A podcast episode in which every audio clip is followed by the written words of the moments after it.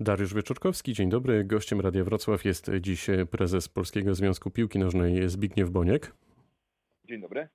Godziny dzielą nas do powrotu Ekstraklasy. Panie prezesie i piłkarze na stadiony. Stęsknił się pan? To znaczy stęskniłem się, tak, stęskniłem się. Poza tym to nie jest nie tylko kwestia tęsknoty, ale też, że tak powiem, no, pewnej odpowiedzialności społecznej, odpowiedzialności za, za, za biznes, odpowiedzialności za, za istnienie klubów. Nie zapomnijmy, że piłka nożna to nie tylko piłkarze. Piłka nożna to jest przemysł, który daje zarobek wielu ludziom, firmom transportowym, y, telewizjom i biznes, który się kręci wokół piłki jest bardzo duży i muszę powiedzieć, że jeżeli piłka by nie wystartowała, no to, to, to też i w tej naszym, że tak powiem, przemyśle sportowym wielu ludzi traci pracę, czyli im wcześniej wrócimy do normalności, tym lepiej przede wszystkim dla, dla tych, którzy pracują gdzieś można powiedzieć z tyłu, ukryci, ale którym piłka nożna, że tak powiem, pozwala utrzymać też rodzinę. Ja nigdy nie wątpiłem w to, że kocha pan piłkę nożną, ale czy to właśnie dopiero epidemia koronawirusa nie pokazała panu tego, jak to jest silne uczucie? Nie, nie, nie. Ja muszę powiedzieć, że moja miłość do piłki i zażyłe stosunki z piłką są, są można powiedzieć, dość głębokie od wielu, wielu, wielu lat. Natomiast yy, muszę powiedzieć, że koronawirus troszeczkę pokazała, jaka ta kołdra jest krótka i jak czasami kluby są zarządzane, że nie widzi się dalej niż na dwa metry do przodu, a trzeba było patrzeć na 10 metrów do przodu i wydaje mi się, że pewne pewne mankamenty, które są nie tylko w piłce, ale w wielu gałęziach życia, ten korona, koronawirus nam pokazał. No właśnie, co nam koronawirus y, konkretnie powiedział o polskiej ekstraklasie, klubach, y, finansach? Jaka lekcja z tego płynie? No wydaje mi się, że na wnioski, na wnioski przyjdzie jeszcze czas, bo, bo epidemia się nie zakończyła. Ja zawsze mówię, że E, zmarłych trzeba liczyć po, po zakończeniu wojny, a nie podczas wojny. Mam nadzieję, że to wszystko wygasa, że to wszystko się skończy. Natomiast no, są pewne pytania, które możemy sobie zadać, że kluby, e, kluby no, nie grały przez dwa miesiące, a generalnie była taka e, narracja, że, że, że, że wszystkie ryzykują prawie upadek, prawda? No to trochę dziwne, bo z meczu, z dnia meczowego no, bardzo mało klubów w Polsce zarabia na te, te obostrzenia, imprezy masowe, imprezy bez podwyższonego ryzyka, jednak kluby kosztują wielkie pieniądze i na tym nie zarabiają. Czyli tak naprawdę powiedziawszy, nie grając, nie grając nie miały za wiele strat, aczkolwiek no, widziałem, że były wielkie betalie z piłkarzami, obniżenie o obniżenie wynagrodzeń i tak dalej, i tak dalej. To ja zaraz, zaraz będę panie prezesie o to pytać. A ma pan, takie, ma pan takie informacje, e, ile faktycznie Ekstraklasa już e, straciła pieniędzy? Ile w ogóle e, to całe środowisko w tych ostatnich tygodniach właśnie jest, no nie wiem jak to ująć, na minusie? Po prostu ile, ile nie zarobili? Są jakieś takie szacunki? Wydaje mi się, że jedyną, jedyną firmą w polskiej piłce, która straciła potężnie na koronawirusie, to jest Polski Związek Piłki Nożnej, bo nie, dos, nie dosyć, żeśmy zrobili tarczę dla, pomocową dla wszystkich, można powiedzieć, na poziomie tej piłki yy, zawodowej, prawie piłki amatorskiej, wszystkie nasze akcje, Pro Junior System yy, i tak dalej, i tak dalej, to jużśmy i, i, i to jest gdzieś jakaś piłka kobieca, pomoc na, na lewo i prawo, na to wydaliśmy ponad 116, wydamy 116 milionów, no to muszę powiedzieć, nam łatwo obliczyć, bo ja nie lubię innym zaglądać do kieszeni, ale my na braku gry, gier reprezentacji innych drużyn, to straciliśmy gdzieś około 80 milionów złotych. No to bardzo duża e, kwota. Ja myślę, że to jest też e, taki dobry moment e, na to, żeby przeanalizować. Zresztą to już się dzieje. Wielu dziennikarzy sportowych w naszym kraju wzięło się za ten temat, żeby przeanalizować zarobki piłkarzy w Polsce. Czy Pana zdaniem to są zbyt duże kwoty? Teraz jest szansa na jakiś reset? To nie jest takie łatwa odpowiedź, bo jeżeli ktoś mi chce zapłacić, nie wiem, 100 tysięcy złotych miesięcznie, to dlaczego nie miałbym brać? Natomiast y, wysokie zarobki piłkarzy biorą się z niewiedzy i z braku, że tak powiem, dobrego managementu, możliwości oceny piłkarzy, i dlatego z tego korzystają menadżerowie, piłkarze i można powiedzieć zarabiają, zarabiają dużo więcej pieniędzy niż mogliby zarabiać, bo jak ktoś jest słaby, to będzie słaby za 3 tysiące miesięcznie, 6 tysięcy, czy za 10, czy 15, czy 20, czy 100. No tak, ale, ale czy takie kominy to nie jest y, trochę psucie rynku? No. Mi się wydaje, że w każdej drużynie, jeżeli chce być dobro, muszą być kominy e, płacowe. To jest tak jak w Bayernie jest Lewandowski, jest kilku innych, tak samo jak jest w Juventusie jest Cristiano Ronaldo i kilku innych, bo w każdej drużynie musi być kilku liderów. Natomiast u nas to jest, można powiedzieć, bardzo często palenie pieniędzy, a nie wydawanie, no bo my do Polski sprowadzamy. Pytanie jest inne kogo my w ogóle sprowadzamy do Polski z zagranicy. No właśnie, czy potrafiłby, to jest, to jest świetne pytanie, panie prezesie, wejdę w słowo. Czy w ostatnich chociażby pięciu latach e, potrafiłby pan wskazać na takiego piłkarza z zagranicy, który zrobił e, różnicę w ekstraklasie? Nie.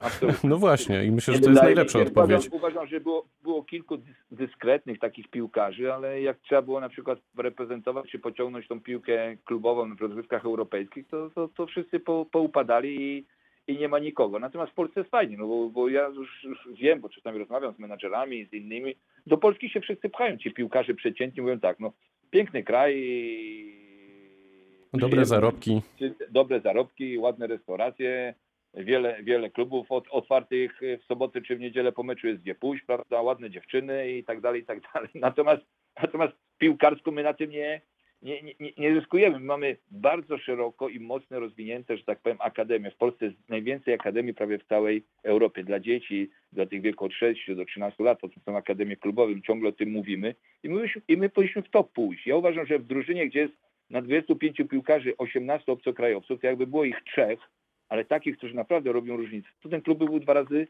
lepszy, no ale wie pan, no ja mogę, ja sobie mogę na ten temat troszeczkę porozmawiać z panem, natomiast ja tutaj akurat nie mam żadnego przełożenia i ja nie mogę decydować, co ma robić spółka prawa handlowego, która jest regularnie zarejestrowana w Polsce, jest spółką akcyjną i jeżeli ma swoją politykę, to robi co chce. Ja oczywiście mogę powiedzieć, że musi grać jeden młodzieżowiec na boisku, mogę im zrobić jakieś systemy motywacyjne za wystawianie młodzieżowców, bo takie robimy, natomiast no nie, nie mogę im powiedzieć, jakiego piłkarza mają kupić, a jakiego jakiego nie. Pełna zgoda, panie prezesie. A co z kibicami? Czy oni powinni wrócić na stadiony? No i kiedy to się może stać?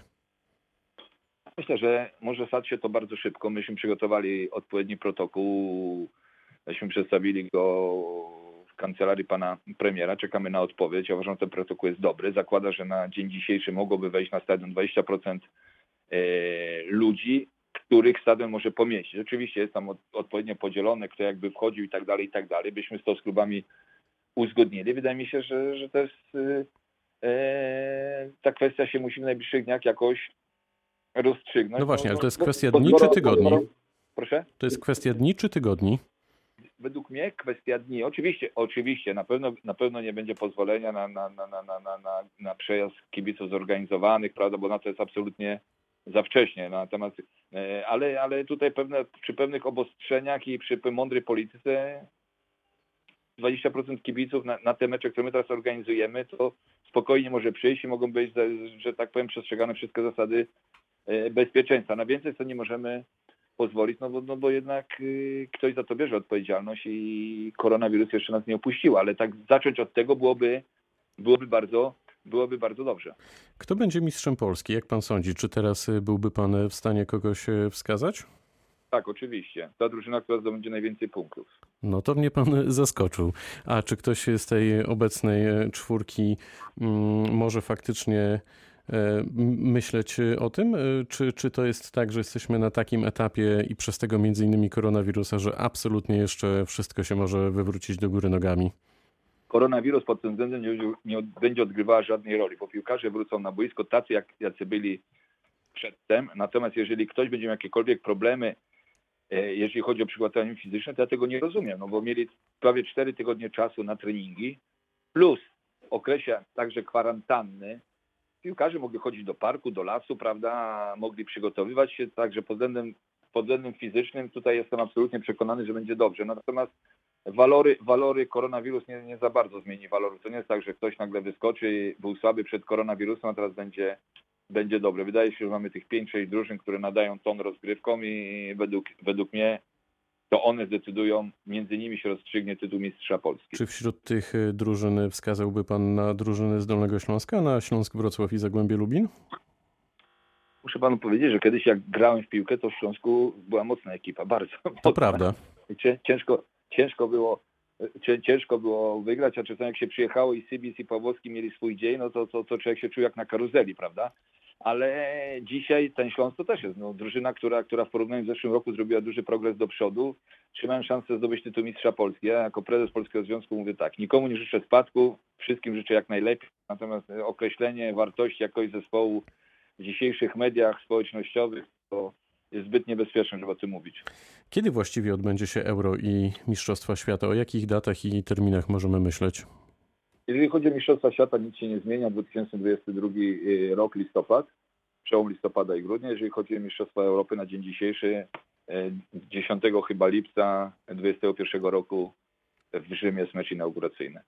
Lubi pan y, prowokować na Twitterze, nie szczędzi pan też komentarzy pod adresem polityków i polityki. Czy zobaczymy kiedyś, może już niebawem, Zbigniewa Bońka w sejmowych ławach, czy to jest taki obszar, który pana kompletnie nie interesuje? Zupełnie. No to, to, może chociaż, to może chociaż jakaś e, audycja radiowa.